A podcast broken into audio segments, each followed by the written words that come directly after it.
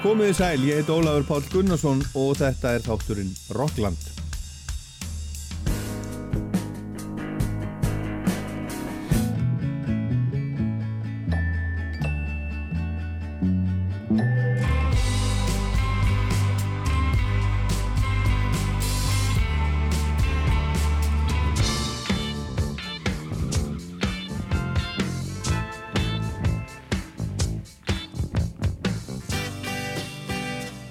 Þátturinn í dag fjallar að mestuleiti um upptökustjóran, meistaran og morðingjan sem er nýláttinn Phil Spector.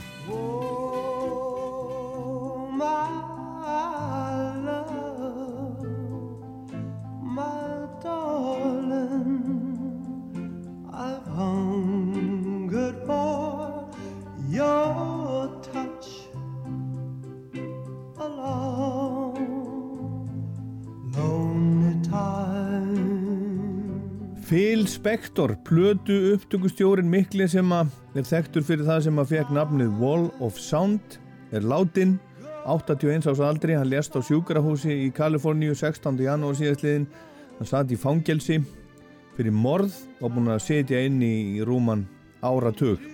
Hann stjórnaði upptökum á hljómplötu margra frægra listamanna, má það nefna Let It Be, plötu Bítlana, þar var Phil Spector, hann gerði soloplötur með John Lennon og George Harrison, hann gerði plötu með Leonard Cohen og Ramones og þá eru bara fáeinir nefndir. Við skoðum þetta allt saman betur hérna á eftir. Ég ætla að segja ykkur frá Phil Spector í Rocklandi í dag. Hann var bara 19 ára gammal þegar hann stopnaði hljómsveitina The Teddy Bears á samt skólabræðurum sínum eða skólasískinum og samti eh, lagið To Know Him Is To Love Him. Það komst á topp bandariska smáskifulistans í september 1958. Tveimur árum síðar var Spector yngsti plötu útgefandi bandarækjana þegar hann stoppsetti Phillies Records 21 árs. Árið 1989 var Spector tekin inn í fræðarhöll Roxins og 2004 lendan í 63. sæti yfir mestu listamenn allra tíma tónlistamenn á, á lista tímaritsins Rolling Stone. Og sumar heimildi segja hann hafi látist af eðlilegum orsökum en aðra segja að COVID-19 hafi orðið hans banni, hann fekk allavega COVID-19. En ég held að það megi segja að Phil Spector hafi verið svolítið séni en, en svona brjálað séni. Ég er ekki vissum að hann hafi átt gott líf, það endaði vissulega illa en ég held að hann hafi átt frekar slæmt líf meir og minna. Blessaða kallin. Hann er þekktur fyrir lögin sín sem hann gerði á, á sjönda áratögnum aðalega sem hann sagði að væri eins og litlar symfoníur fyrir unga fólkið. Lögum af fólki eins og Ronettes, Crystals, Darlin Love og Righteous Brothers og þetta Wall of Sound sem hann fekk með því að vera með marga hljóðfaraleikara í einu í hljóðverinu. Þrjá, fjóra, fimm gítarleikara og píjónleikara og, og, og allavega tvo bassarleikara og allir spiluðu það sama þannig að úr var mikill hljóð veggur, Wall of Sound alveg eins og í symfónihljómsveitum þar sem að nokkrar fiðlur spila sömu línutnar til dæmis. Það var hugsunin hjá Phil Spector með Wall of Sound gera eins og symfónihljómsveitirnar gera, vera með mörg hljóðfæri og lögin sem hann tók upp samdan mörg sjálfur eða var að mista kosti skrifaður fyrir þeim ásamt öðru fólki sem margt vann í, í lagarsmíðafabrikunni í New York, brillbyggingunni en hans aðal atvinnusvæði var í Kaliforníu og oftar en ekki vann hann með stúdíotónlistamönnunum sem að gengu undir nafninu The Wrecking Crew. En það var hópur af afskaplega flinkum tónlistamönnum í Los Angeles sem að, sem að spiluðu bara með öllu meira minna á sinni tíma og voru fljótir að vinna. Það, voru, það var uh, bara gott að vinna með þessum hópið þegar afgreiti hlutina The Wrecking Crew. Þessi hópur vann með Beach Boys, Sonny og Cher og Simon og Garfunkel til dæmis og mikið fyrir Phil Spector. Og einn aðal trommarinn í þessum hópi var Hal Blaine sem að nýlega er látin en hann trommar til dæmis í þessu hérna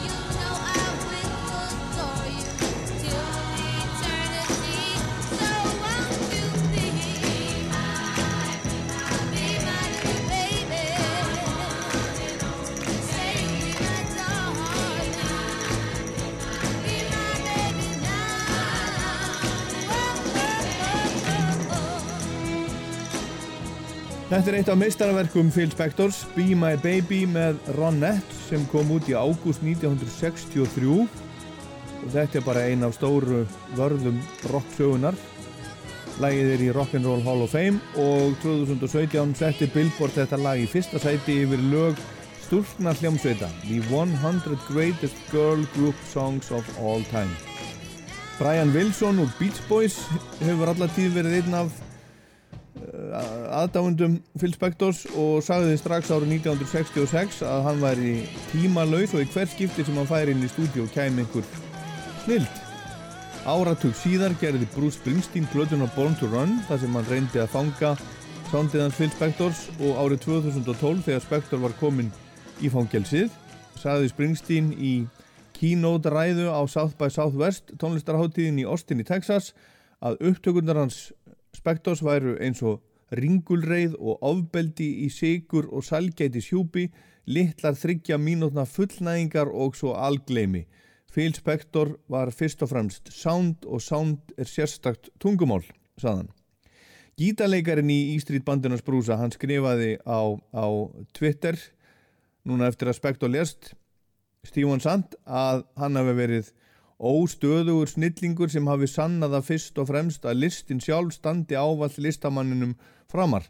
Hann hafi gert mörg af mestu og bestu lögum sögunar, lög sem fjölluðum um ástina og allt að góða við hana, en hann sjálfur hafi verið ófærum að gefa eða þykja ást allt sitt líf. Hann var búin að sitja inni síðan 2009 fyrir morðið á leikoninni Lönu Klarsson, en hún fannst myrt á heimili Spektors árið 2003.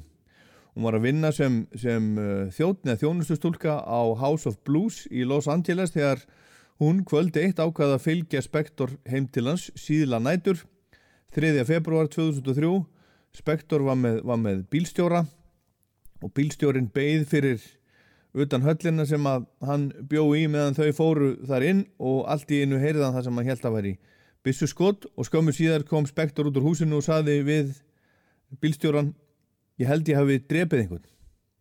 Hann neytaði þessu síðar fyrir rétti og sagði að Lana Klarsson hafði, hefði óvart skotið sig bara reynlega sjálf. En Spektor var sérsagt fundin segur og dæmdur í 19 ára til lífstíðar fangelsi og nú er hann látin.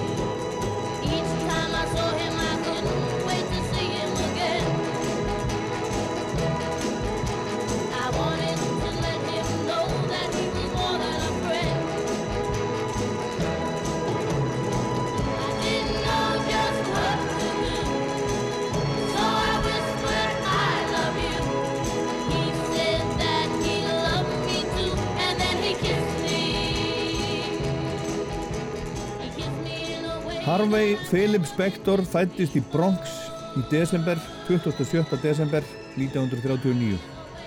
Pappans fram til sjálfsmorð þegar Phil var aðeins nýjára gamall.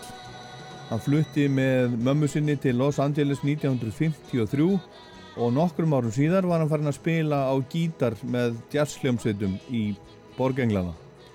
1958, þegar hann var 19 ára gamall, stofnaði hann hljómsveitina því Teddy Bears á samt skólafélögum sínum Marshall Leap og Annette Kleinbart. Og undir Teddy Bears nafninu kom fyrsti smellurinn út To Know Him Is To Love Him sem fór alla leið í fyrsta sæti á bandariska vinsaldalistan bara fyrsta lægið, fyrsta tilraun beint á toppin en þessi lína To Know Him Is To Love Him er tekin af leggsteini pappans, það stendur reyndar To Know Him Was To Love Him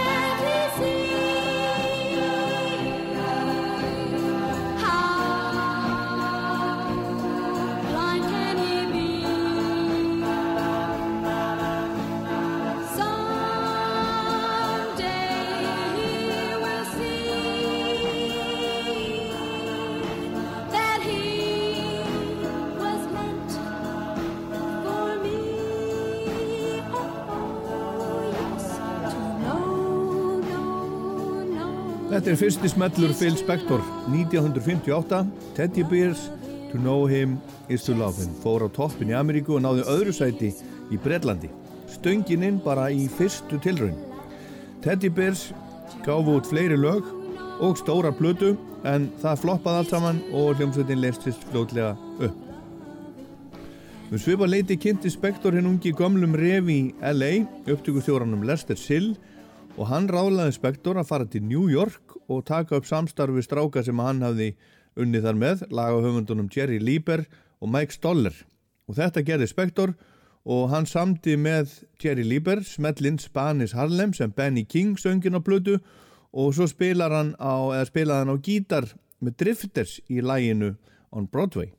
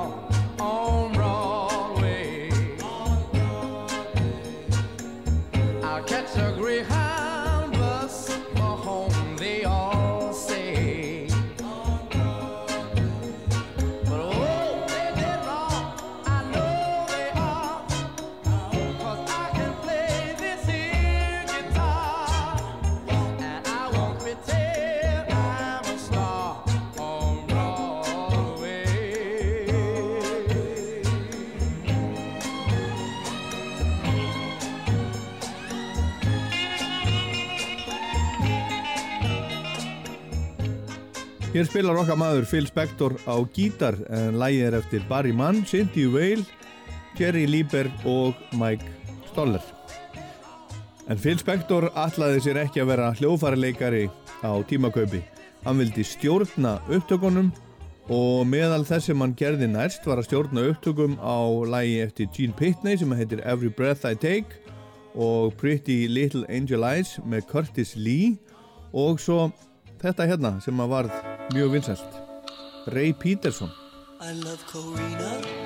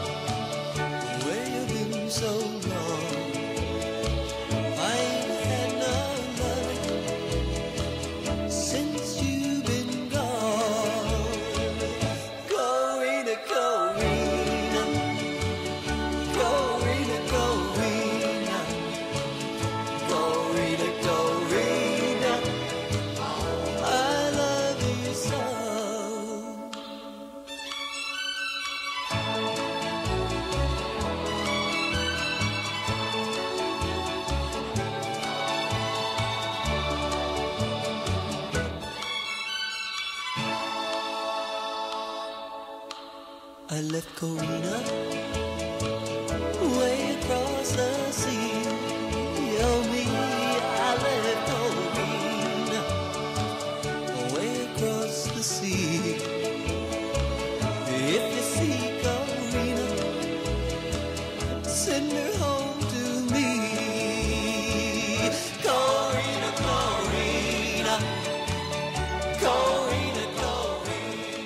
Hermína, Hermína sungu Halli og Latti svolítið mörgum árum síðar en þetta er sama lægið Corvina, Corvina og þarna var Phil Spector upptökustjóri hjá Ray Pet- Ray Peterson. Þetta var 1960 Árið eftir 1961 stopnuðu þeir Spector og vinnur hans Lester Sill Phillies Records saman. Og svo var byrjað að taka upp og Spector einbetti sér að hljómsveit sem hann setti saman stúlnarsveitinni The Crystals sem gerði það gott með, með eh, lögunum There's No Other, Like My Baby og Uptown en svo þegar lagið He Hit Me and It Felt Like a Kiss floppaði þá losaði hann sig við stelpunar He hit me, and it felt like a kiss. He hit me, but it didn't hurt me. He couldn't stand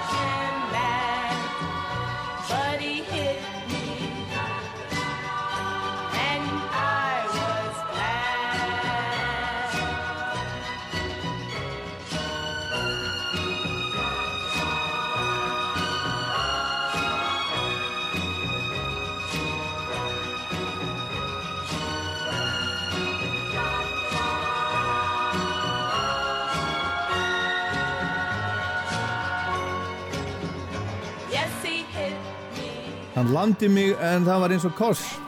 Svolítið skríti lag en það var það ekki sérstaklega vinsalt en þetta sömdu hjónin Jerry Goffin og Carol King eftir að þau komust að því að, að kærasti barnfóstrunnar þeirra sem áttu síðar eftir að slá í gegn sem söngkonan Little Eva hann landa hana reglulega. Og þegar þau spurðana hversuna hún leti þetta viðgangast okkur hún fær ekki frá honum þá svaraði hún hann gerir þetta vegna þess að hann elskar mig og það var kveikjan að þessu lægi sem sagt. En allavega eftir að þetta floppaði þá rak Spektor Kristals stelpunar og setti nýjar inn í staðinn. Nefnilega Darlene Love og bakrættinnar hennar tvær, The Blossoms eða þær kölluðu sig saman The Blossoms. Og þetta virkaði á bara skiptum nafn og fyrsta lægið með nýjum Kristals fór alla leið á toppin í Ameríku. Þetta hérna, He's a Rebel eftir Gene Pitney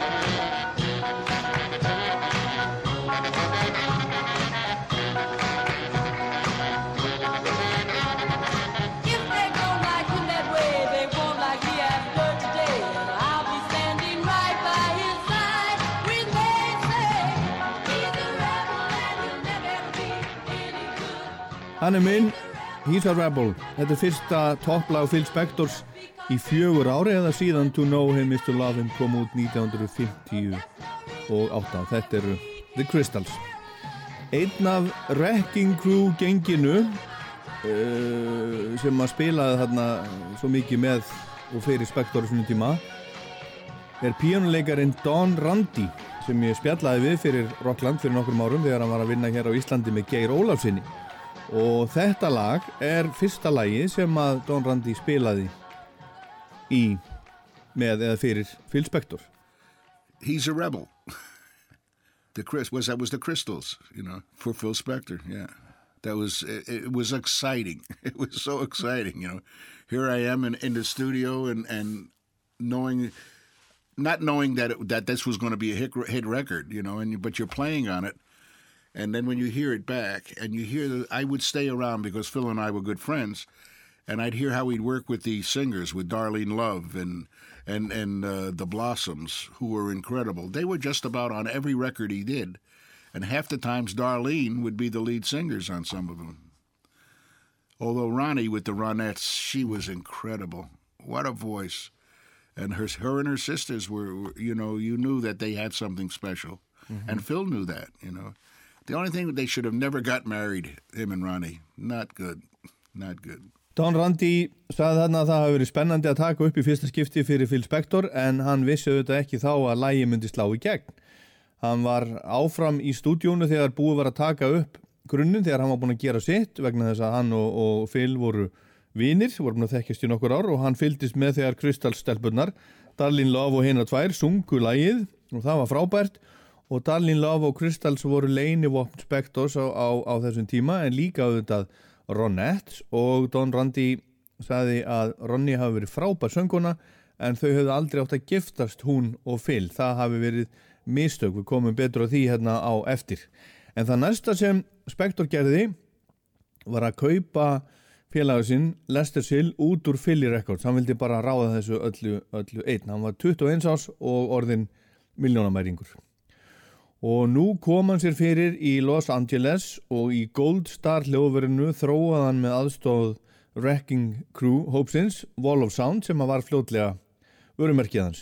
Og þeir sem voru í þessum hópi hljóðfæra leikari sem að fekk þetta nafn Wrecking Crew voru til dæmis gítarleikararnir Glenn Campbell, Bernie Kessel og Tommy Tedesco bassarleikarin Carol Kay trommarinn Hal Blaine og píónuleikararnir Leon Russell og vinnur okkar Don Randi Yes, I, I wanted to have something to do with music, anything to do with music.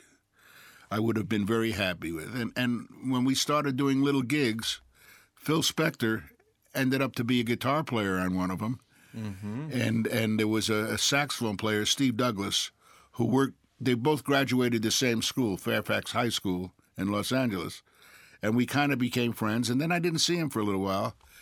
He got a hit record with uh, the Teddy Bears. To know him is to love him.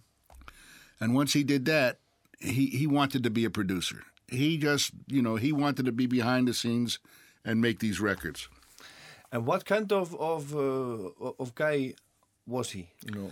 He was great. A lot of fun to be with, great to hang out with, and, and he was also, he absolutely loved jazz right from the very beginning. So he and I got along great. Já, Don Randi kynntist Phil Spector þegar þeir voru mjög ungir og, og spiluðu saman og svo lágu leiðir þeir aftur saman síðar þegar Spector var orðin upptökustjóri og Randi segir að það hafi alltaf verið gaman að vera í kringum Phil Spector hann hafi verið skemmtilegu náingi sem hafi haft mikinn áhuga alla tíð á jazzmusik en 1963 var gott ár í okkar manni hann kom fjórum lögum inn á top 10 í, í Ameríku Be My Baby með Ronettes sem við heyrðum áðan Sippa Dee Duda með Bobby Sox and the Blue Jeans og þar held ég að Darlene Love hafi verið í aðalutverki og Then He Kissed Me sem við heyrðum áðan með Crystals og líka lagi sem við heyrum næst með Crystals The Do Run Run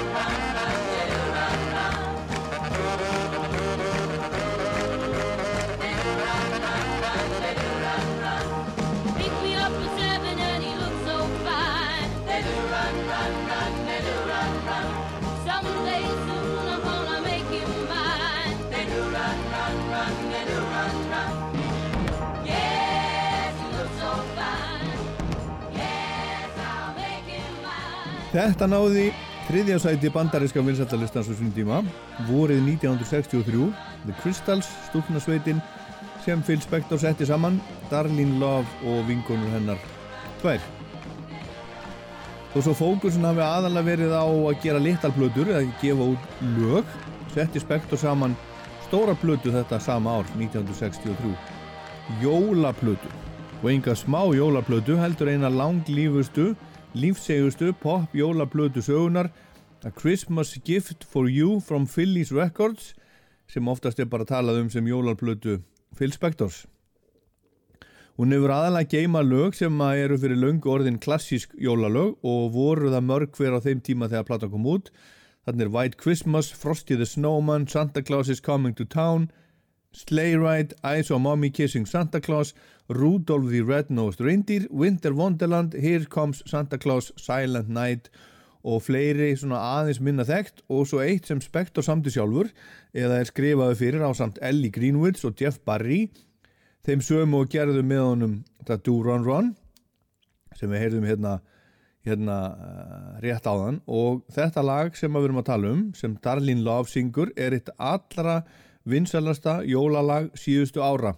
U2 tók það upp og gaf út 1987 og Björgvin Halldórsson hefur sungið þetta með íslenskum texta. Heyrum þetta aðeins þó svo jólinn séu löngu búinn Christmas Baby Please Come Home. Þetta er upprunlega útgáðan með Darlene Love og Phil Spector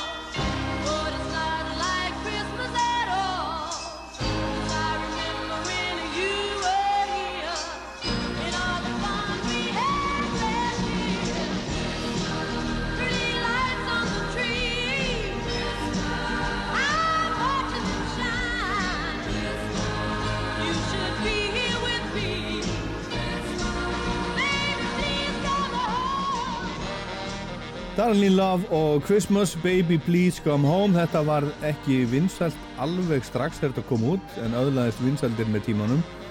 Og þetta lag hefur öðrum fremur haldið nafni Darlene Love á lofti í gegnum áratugina og gaman að geta þess að U2 tók þetta upp á sínum tíma 1987 í soundchecki fyrir tónleika í Glasgow á Joshua Tree turnum og þeir fengu Darlene Love til þess að syngja þarna með sér bakrættir og Don Randy vinnur Rocklands sem ég spjallaði við fyrir nokkrum árum hann spilar á þessari blödu That album, every year, outsells most of the other Christmas albums to this very day. yeah. and you were there Oh yeah, absolutely. That's all one- the tracks all the tracks. That's one of my favorite albums. yeah. He wanted to do a Christmas album, so he says, "I'm going to get all my artists and put them all together on an album," which was common in those days. The record labels would like make a sampler album of all their artists, and and, and it was great because they, you know, Columbia did that, Capitol Records did it. So Phil said, "I'm going to do it for Phillies." That was his his label, and it was it was a terrific label. But White Christmas, the best version ever with it because that's Darlene Love. She's amazing on it. I, I love her. What a singer. and did you while you were making this album did you uh, realize that you were making something special Yes and no. We knew it was special because it, Phil was having such a great time, and we all were. Because those versions of those songs are different. They're they're different than anything you'll ever hear. And we didn't know that it was going to be a, a big seller, but we knew it was going to sell. And then it just took over for years. and it's still played played on the radio a lot Yes, because it's it's it's terrific music and it's fun. You, it makes you smile. Það er nefnilega það. Don Randy sagði þarna að jólaplata Phil Spectors væri einn af sínum uppáhaldsplötum og hann spilar í öllum lögunum á henni á piano. Hann e, sagðist hafa vita þegar upptöku voru í gangi að þetta myndi seljast en ekki að þetta myndi ganga svona vel eins og raunber vitni og þessi músík er enn spiluð í útarpi um allan heim fyrir jólinn þessi jólaplata Spectors er superklassík og er enn að seljast. Og fólk að hlusta á þetta auðvitað á, á Spotify fyrir jólinn og svona. Og Phil Spector var þarna orðin mikil stjarnar, stjörnu upptökustjóri. Það var bara allt að gulli sem hann snerti. Og hann held áfram að gefa út lög með Ronettes til dæmis.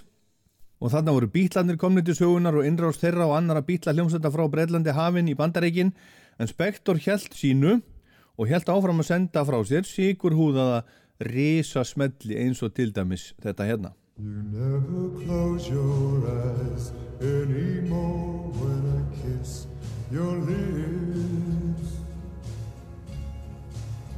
And there's no tenderness like or in your fingertips. You're trying hard not to show it.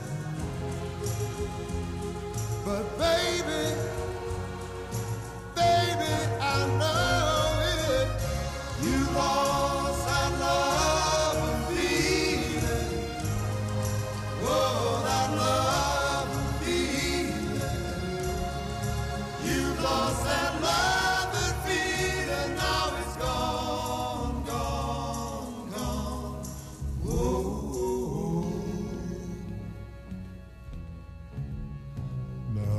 no welcome look in your eyes when I reach for you.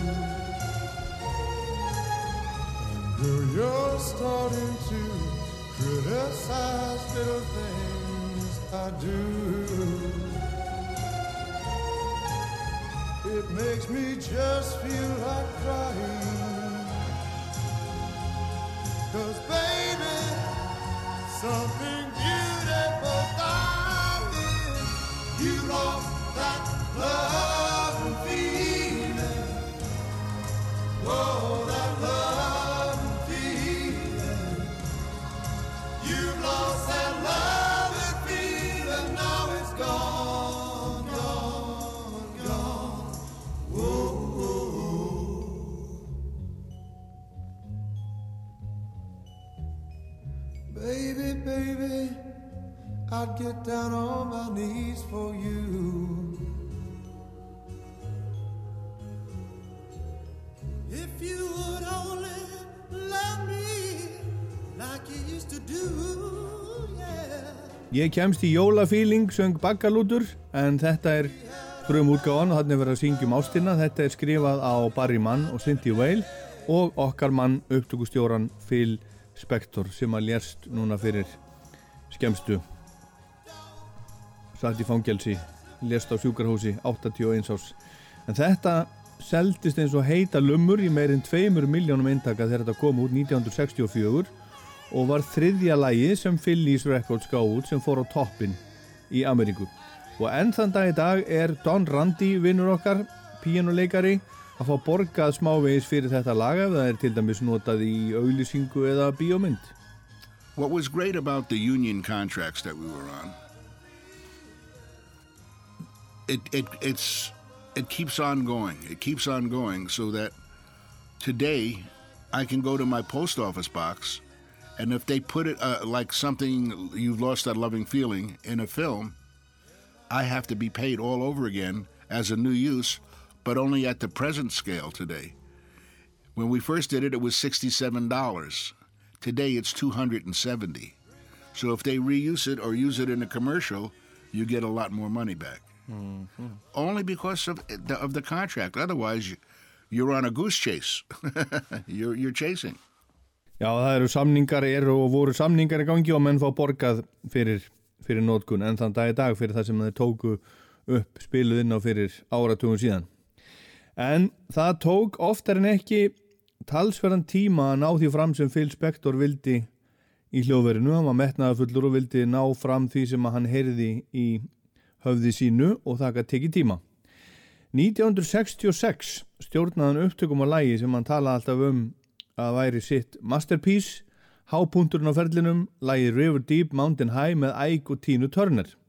Lægi náði þriðja sæti vinsaldalistans í Bretlandi sem að var gott en það fór ekki að herra enn í 80. og 8. sæti í Bandaríkjónum og það var okkar maður alls ekki ánaði með.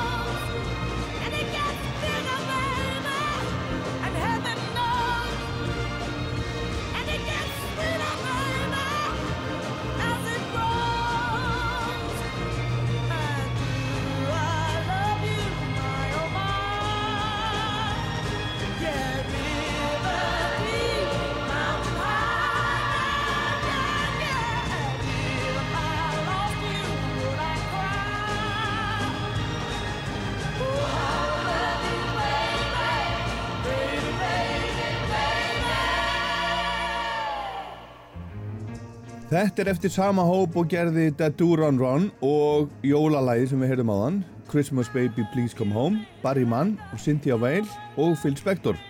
Og útkoman var flop fannst Spector, þetta náði ekki nefnir 88. sæti vinsættalistans í Ameríku.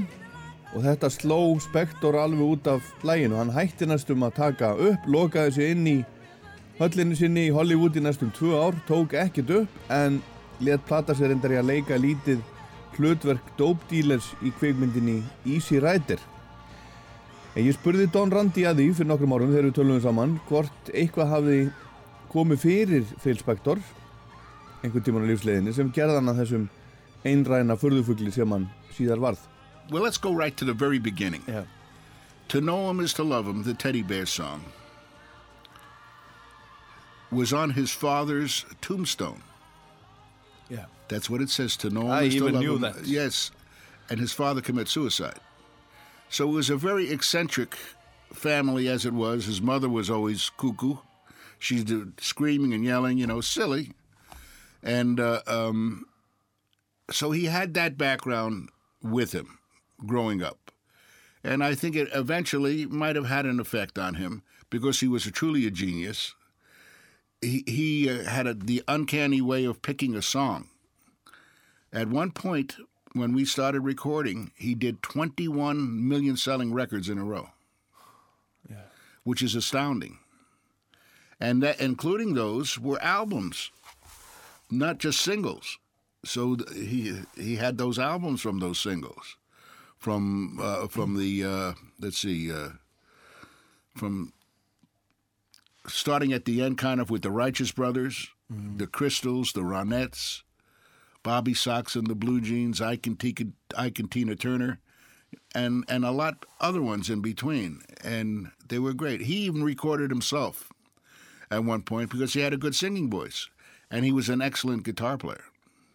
he learned studied with all the jazz guitar players, mm-hmm. and he was the only producer that I've ever seen go over to a guitar player and say, "You play it on this," because it's always four or five of us. The same way there was four or five pianos, uh-huh. two basses, one drum, and a lot of percussion. Yeah, you uh, are talking about the wall of sound. The wall of sound. Yeah. That's how it was formed exactly with, with all that, all that volume and all that stuff. But he could tell a guitar player, "I want you to do it on this fret. Can you do it on this one?" He tell Tommy Tedesco, one of the greatest guitar players of all time, says, "Tommy, would you mind putting a capo on? Because out of your guitar, I wanted to sound more open."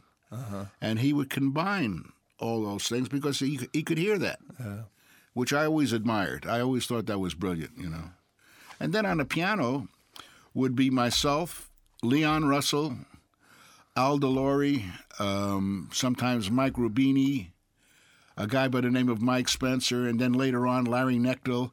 So it was all terrific piano players that were playing the same thing, you know. And you, you you were all in the studio at the same all time, in the all same, playing the, all at the same in the same, same room, thing. in the same room. Yeah, four pianos. yeah, sometimes five. Yeah, four guitar players. Yep, sometimes five. Really? yeah. How many? How many drummers? One, one, always one drummer. Either either Hal Blaine or Earl Palmer, but there were uh, that was for Phil, and most of it was Hal. Mm-hmm. Earl would come in every once in a while. And bass, bass. Bass player was uh, Jimmy Bond on upright. Ray Pullman would play the the Fender. Uh, later on, some sometimes I think maybe on one or two with Phil, Carol Kay played, but not on a lot. She did other date other dates. Uh, and uh, Ray Pullman, uh, Jimmy Bond would play upright because he put two basses together, acoustic and Fender. And then a bass player that worked for me, Harvey Newmark. Harvey was an incredible bass player, and Phil really liked him because he was a great jazz bass player too. So was Jimmy Bond. Skemmtilegu maður, Don Randi, uh, fullt af sögum í höfðinu og kann að segja frá og hann var að segja hérna frá því hvernig var að vinna með Phil Spector í þessu, þessu uh, Wall of Sound, fjögur, fimm piano, fjögur, fimm gítarar og svo framvegis, síni og gaman. En pappa hans framdi sjálfsmorð og mamma hans var geðvig, sagði Randi, alltaf öskrandi á, á allt og alla og ekkert gerist að sjálfu sér og ekkert verður til upp úr engu. And was he like a, at that time a, a, like a kind person? Yes, very kind. The musicians loved him. Yeah. And we made a lot of money because he never took three hours. He took nine hours, 12 hours, 15 hours. And he, him and Brian Wilson in the very beginning insisted that we have union contracts.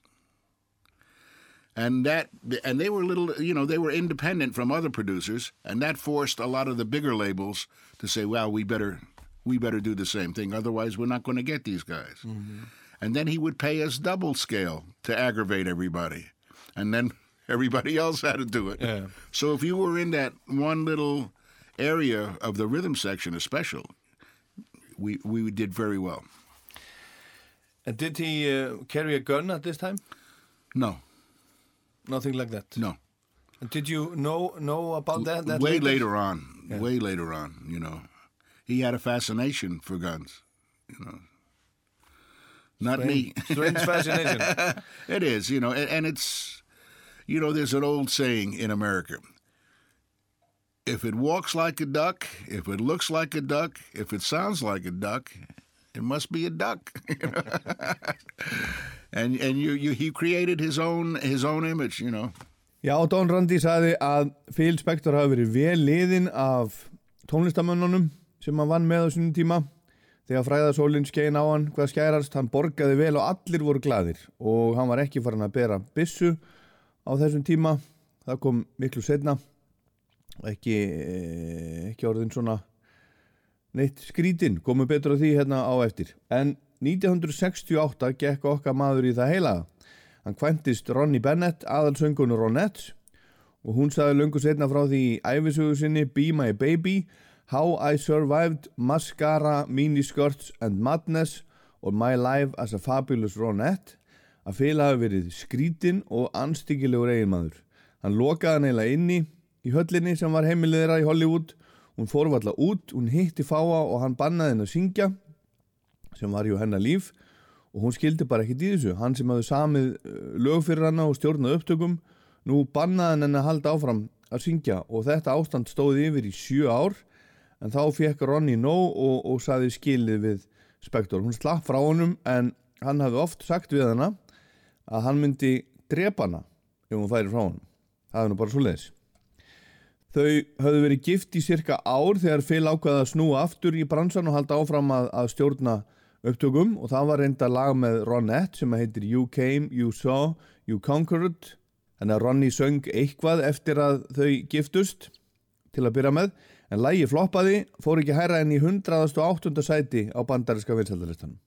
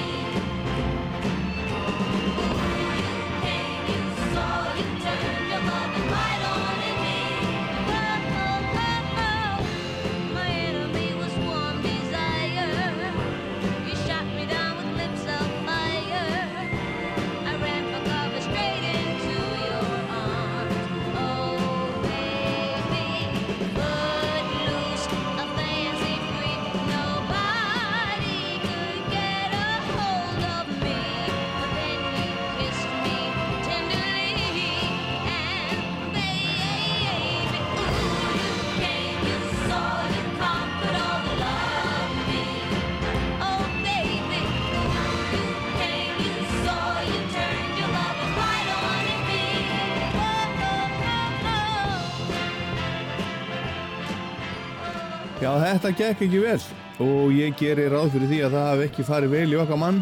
Regna bara með því, hann sætti sig ekki við annað en velgengni, hún var búin að, búið að ganga svo vel í langan tíma og næsta lag sem hann kom nálagt gekk reyndar mun betur, lagið Black Pearl með Sonny Charles and the Checkmates það náði 13. sæti á vinsaldalistanum í, í Ameríku og þar með fannst Spektor hann vera komin svolítið aftur.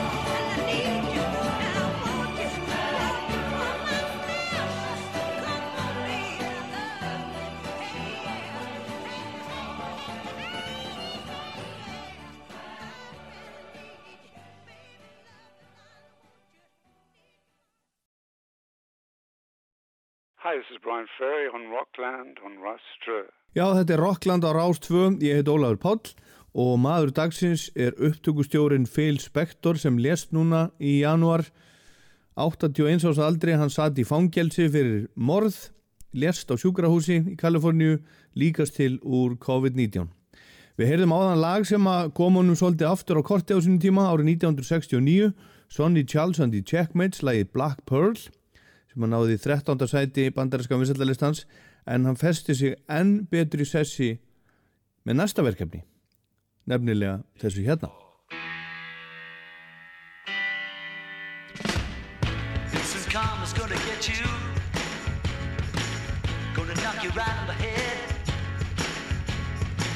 You better get yourself together.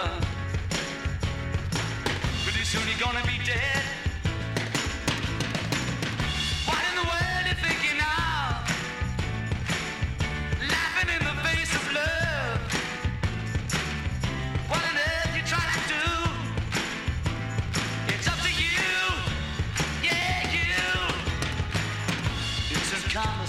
Karma's you.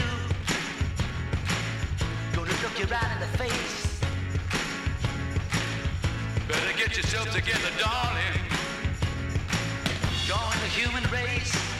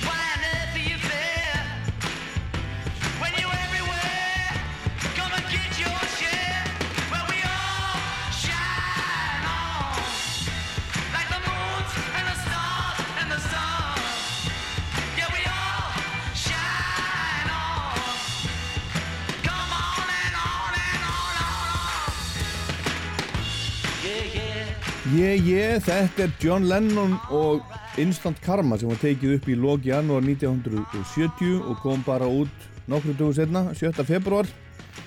Þetta var tekið upp í Abbey Road í London en upptökustjóri var Phil Spector. Og þetta þótti taka svo vel að bítlarnir sem að þarna voru ekki hættir að nafninu til fengu Spector til að taka upptökur sem að þeir áttu frá árinu áður og áttu að koma út á plötu sem áttu að heita Get Back þeir fengu Spector sem sagt til að taka upptökurnar og mixa þær og laga þær og, og, og, og bæta einhverju við sem að hann vildi bæta við gera úr þessu plötu. Og hann gerði það og útkoman er platan Let It Be sem kom út í mæ 1970 mánuð eftir að bílarnir gáðu út þá yfirlýsingu að þeir væru hættir. Kom út sem sagt eftir að bílarnir hættu. Fingrafur Spectors eru yfir og allt um kring á Let It Be en líkast til hvergi einn sterk og í þessu hérna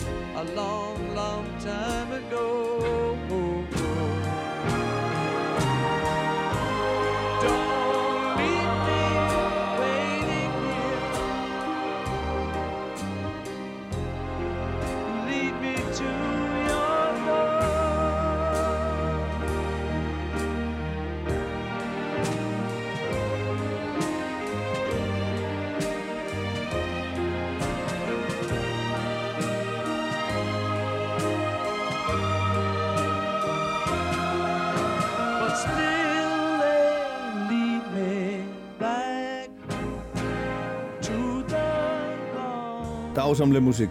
Bítlarnir og Long and Winding Road af Let It Be. Allt vaðandi í sigri og strengjum, vel gert, vel hefnað og þetta er okkar maður, Phil Spector. Hann bætti þessu við þetta fallega lag eftir Paul McCartney öllum þessum, þessum strengjum en Paul var ekki hrifin, honum fannst þetta allt of mikill sigur og löngu síðar kom út önnur útgáfa af Let It Be Let It Be Naked heitir hún og þar er Paul búinn að taka alla strengina og kórin af læginu og þannig finnst honum þetta betra, miklu betra. En lægið með strengjónum varð ansi vinsalt á sínum tíma og hefur lifað góðu lífi til dagsins í dag heldur betur. Paul McCartney var sér sett ekki ánað með það sem Phil Spector gerði á It Be en þeir félagar hans John Lennon og George Harrison voru mjög sáttir við Spector og George fekk Spector til að stjórna upptökum á fyrstu soloplötunni sinni hinn í stóru og miklu plötu All Things Must Pass sem var tekin upp sömarið 1970 og fram á haust.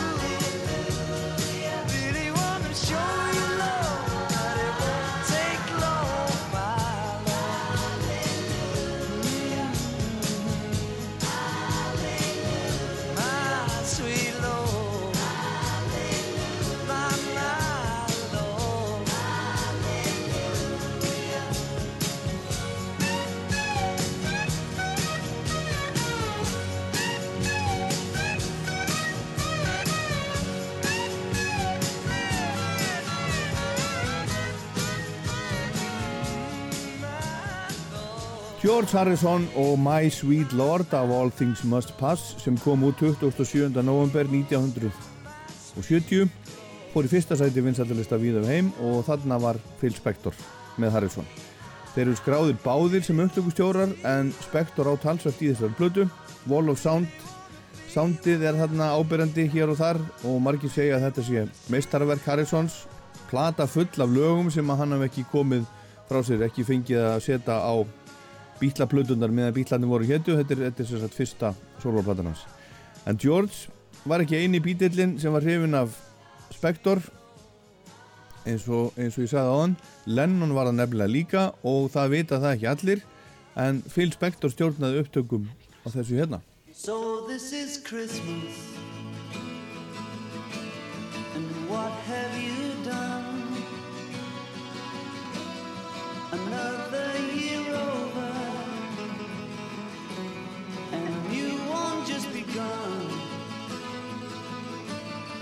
so this is Christmas.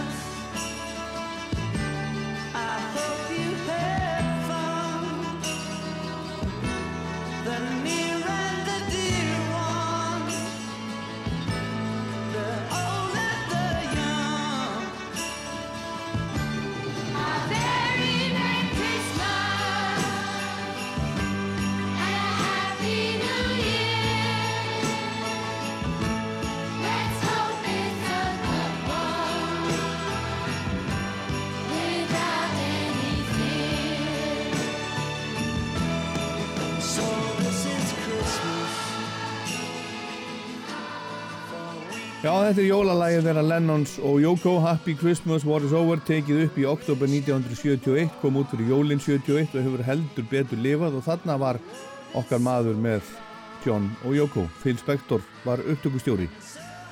Og hann gerði meira með Lennon.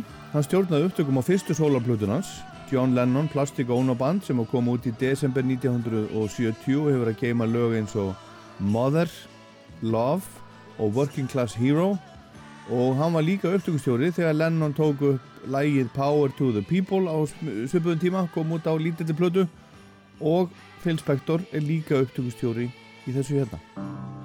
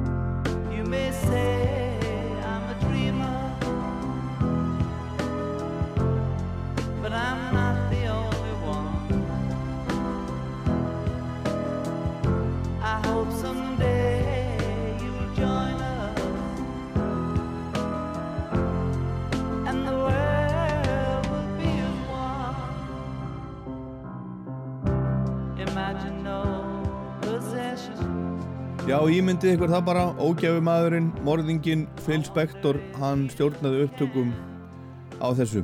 John Lennon og líka til hans þekktasta lag Imagine, titillag annara sólarplötunar sem kom út hausti 1971 og þau eru skráð þarna saman upptökustjóra reyndar, John og Yoko og Spector.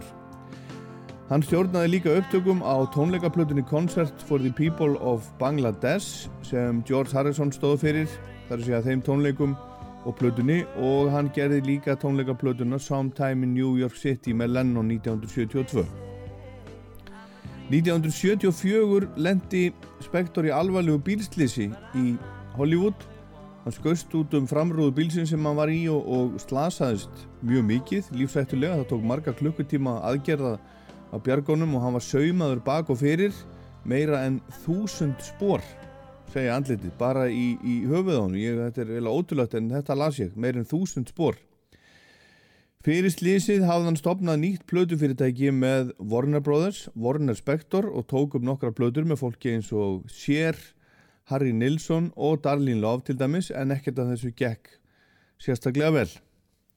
Samstarfið við Warner súrnaði og hann stopnaði annað fyrirtæki, Phil Spector International og uh, Lennon fekk hann svo með sér aftur til að gera plötuna sem hann fekk nafnið Rock'n'Roll, kom út 1975 og er í raun síðasta eiginlega soloplata Lennons, það sem kom á, á eftir, gerðan allt með Yoko.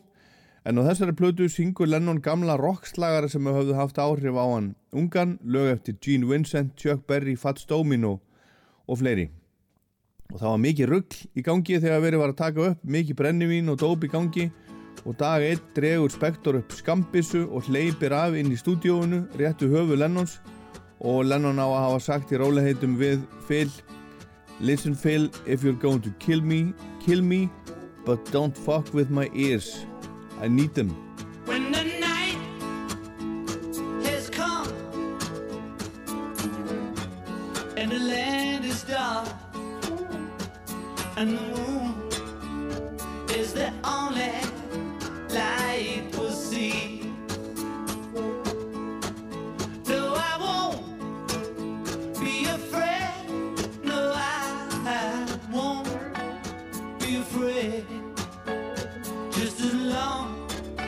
as you stand,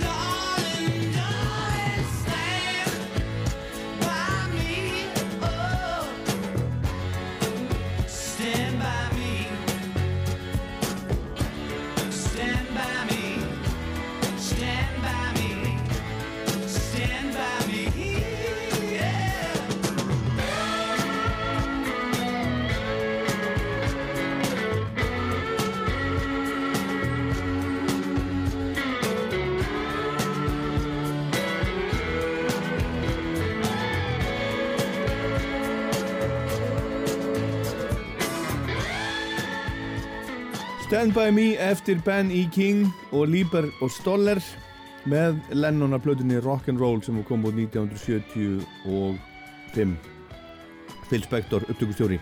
Platan seldist ágætlega og allt það en lífið hafði oft verið betra hjá okkar manni.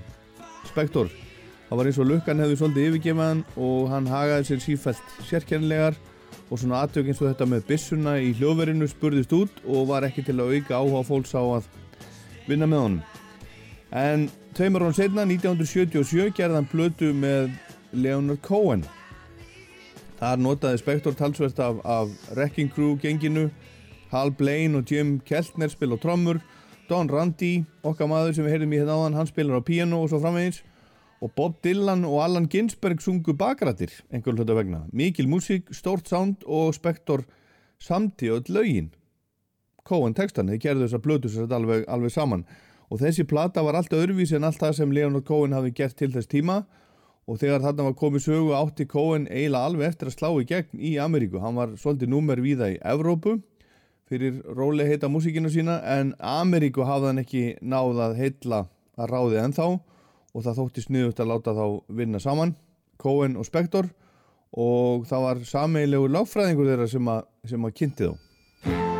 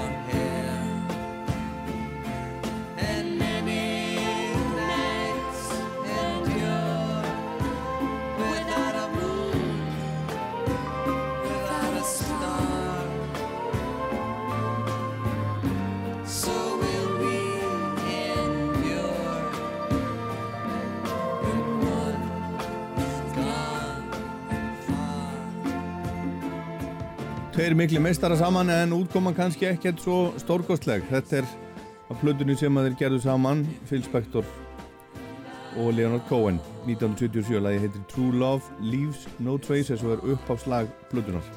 Sagan segir að Marty Matchat sem var lögfræðingur þeirra begja hafi fengið Spector til þess að yfirgefa höllinu sína í Hollywood og koma á Troubadour klubin fræga í Los Angeles kvöldi til þess að sjá Cohen spila þeir hittust svo baksviðs eftir tónleikana og Spector bauð Cohen heim í, heim í höllina sem var gríðarlega vel loftkjald sagði hann setna í viðtali.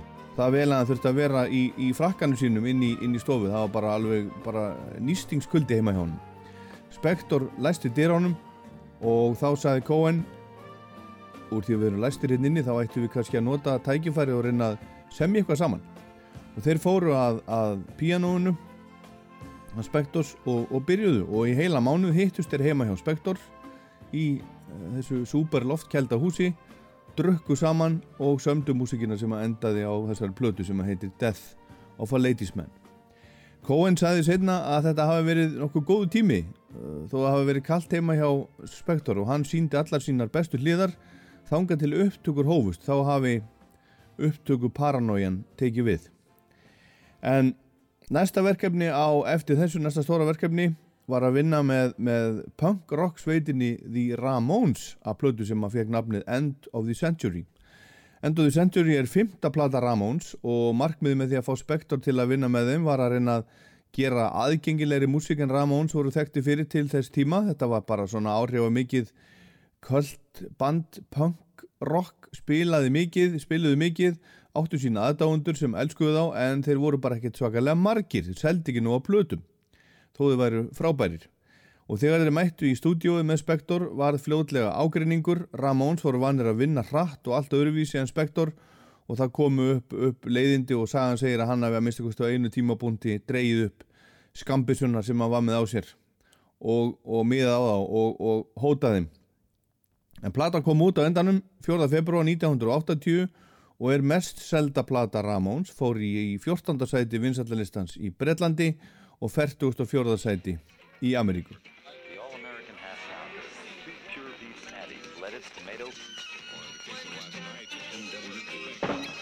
This is rock and roll radio. Come on, let's rock and roll with the Ramones.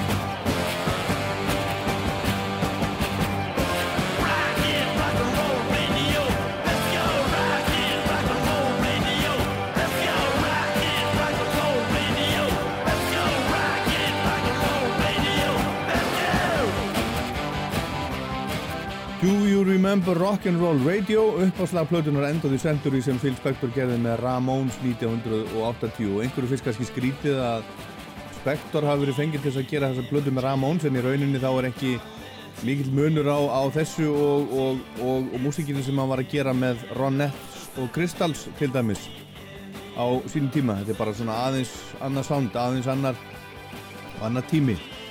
En Eftir þetta verkefni leta hann lítið fyrir sig fara, lokaði sig meira og minna inni í höllinni sinni í Hollywood, einn og yfirgefin og hálf glemdur, þannig lagað, en 1989 var hann svo vígður inn í fræðarhöll Roxins, Rock'n'Roll Hall of Fame.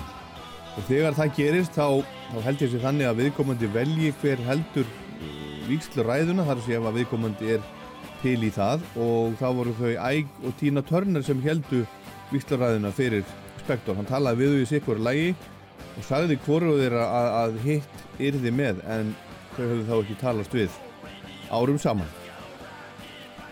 Árið 1995 munaði litlu að Spector stjórnaði upptökum á plötu með Celine Dion en það munaði því að honum mislíkaði eitthvað við fólkið í, í kringum hana umbóðskrifstofuna þannig að ekkert varður því og hann þurfti svo sem ekkert á, á því að halda að vinna hann átti nóg af nóga peningum var, uh, þurfti ekkert að gera í raun og veru.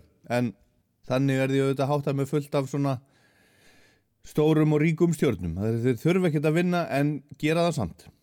Phil Spector eitti miklum tíma í réttarsölum á æfisinni, hann þurfti ofta að fara fyrir rétt með allskins mál tengt tónlist. Stundum hafa það betur en stundum tapaðan til dæmis fyrir, fyrir um eiginkonu sinni, Ronny Spector sem hann þurfti að borga umtalsverða peninga fyrir cirka 20 árum vangreit höfunda og, og flytjandagjöld þetta er skrítin bransi þessi músikbransi þegar kemur að peningum. En um þetta leiti fyrir svona 20 árum leta hann hafa eftir sér í viðtali að hann vissi að fólk liti upp til sín, vildi líkjastónum og gera eins og hann. En hann sagði þið getið treyst mér, þið myndu ekki vilja lifa mínu lífi, ég hef þjáðst. Og þetta var áður en hann varð Lönu Klarsson að bana á heimilu sínu árið 2003 Réttarhöldin tóku langan tíma og 2009 var hann sérst dæmdur í fangelsi 19 árið það minnsta og mestalagi lífstíðafangelsi Það byrtust mjög skrítnar myndir á honum meðan réttarhöldin stóðu yfir, hann var með mikið og, úfið hár, risa stórt hár og þótti bara stór skrítin, furðu fugl. Hann hafði ekki sérst mikið ofinbellega árin þarna á, á undan, lokaði sig meirum en inni í höllinu sinni í Hollywood, sérvitur, stórfurðulegur og líklega bara nokkuð alvarlega geðveikur.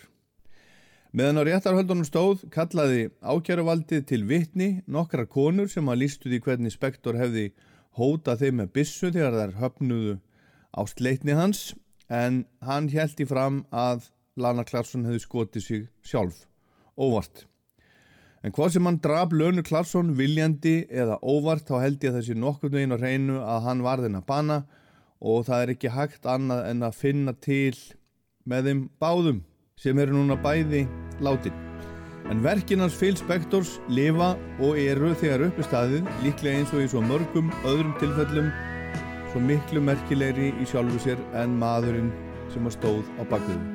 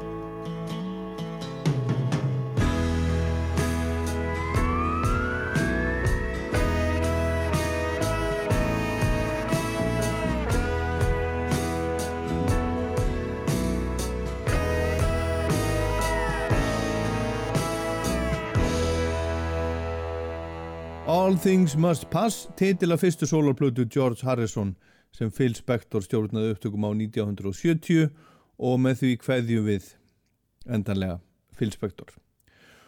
En við höldum okkur áfram við tónlist fortíðarinnar til enda þessa þáttar. Við heyrum næst lægið sem var í fyrsta sæti Breska vinsaldalistans til þessa dags árið 1976 fyrir 45 áru síðan var búið að vera á topnum í nýju vikur í þessari viku 1976. Is this the real life? Is this just fantasy? Caught in a landslide, no escape from reality. Open your eyes, look up to the skies and see.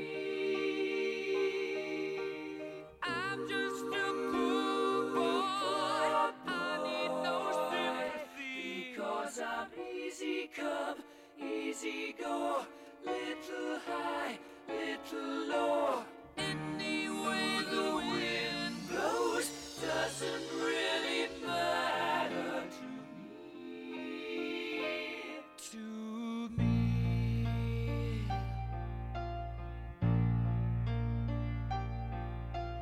Mama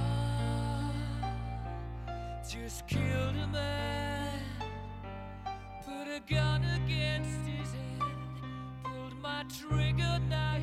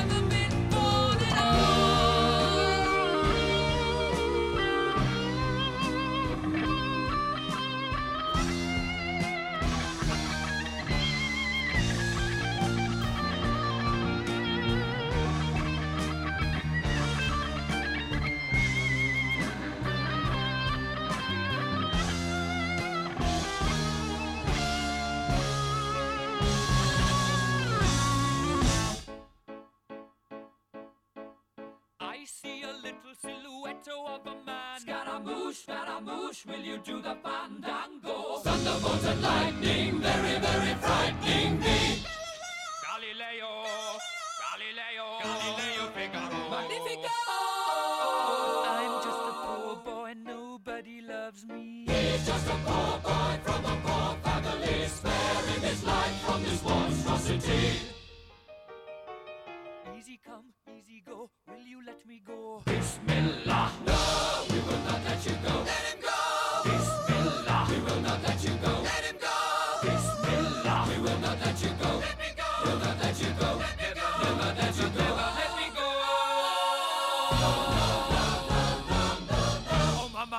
Mamma mia, mamma mia! Let me go. Beelzebub has a devil put aside for me,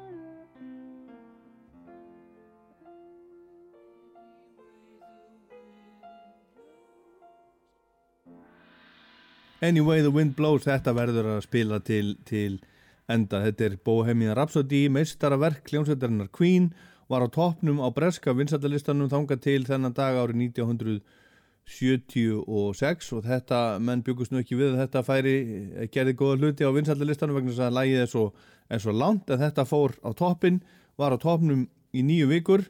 Þangað til Abba kom og stál toppsætinu af Queen og það er skemmtileg tilviljun. Í Bohemian Rhapsody eru, eru Queen menn að syngja Mamma Mia, Mamma Mia aftur og aftur. Og það var í mitt lagið Mamma Mia með Abba sem stál toppsætinu af Bohemian Rhapsody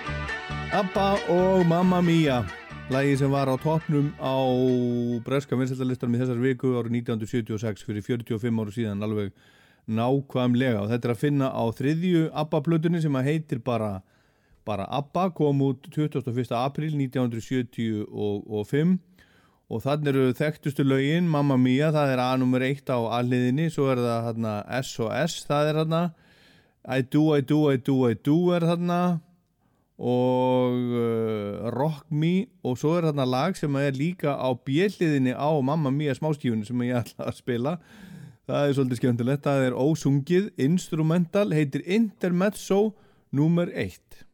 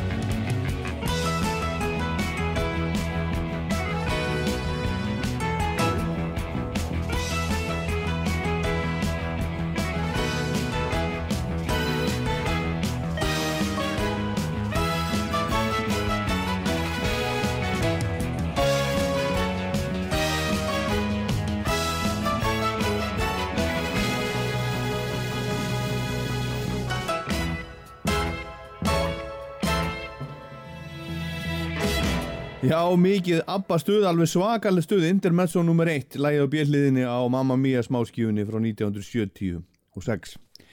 Johnny Rotten, John Lydon, söngvari Sex Pistols á afmæli í dag.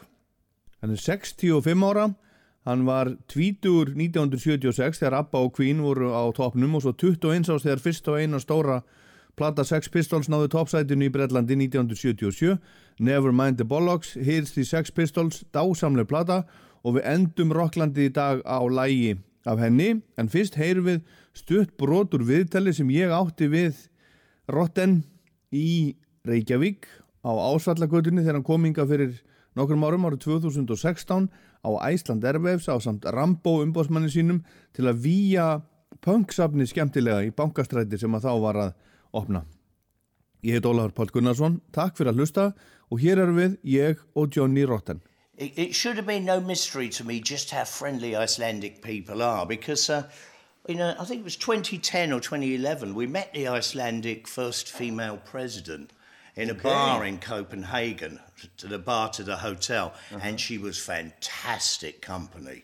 Yeah. And she had all her, her, her parliament with her, and they were singing Icelandic folk songs, and that raised our curiosity. And so we give them a nod and a wink, and they invited us over, and I traded Irish folk songs with her all night. Okay. It was fantastic fun, and for me, that was the first time I've ever known politicians to be human beings. Really? Really impressed me, really totally impressed me. And I always wanted them to come to Iceland, so we got the opportunity to open a toilet. Yes. Which turns out to be a museum for Yeah. punk. How kind of that's kind of appropriate. And, and, and, and a great sense of comedy in it, and, uh, and irony, and, and, and self deprecation too. Uh-huh. That a punk museum is the opening of a toilet. Yeah. That's, that's brilliant and genius. So, this is what took us here. Yeah. It's been a long and windy road, but I'm here now. And while I'm here, I'm going to definitely try and hunt out can I do some gigs here?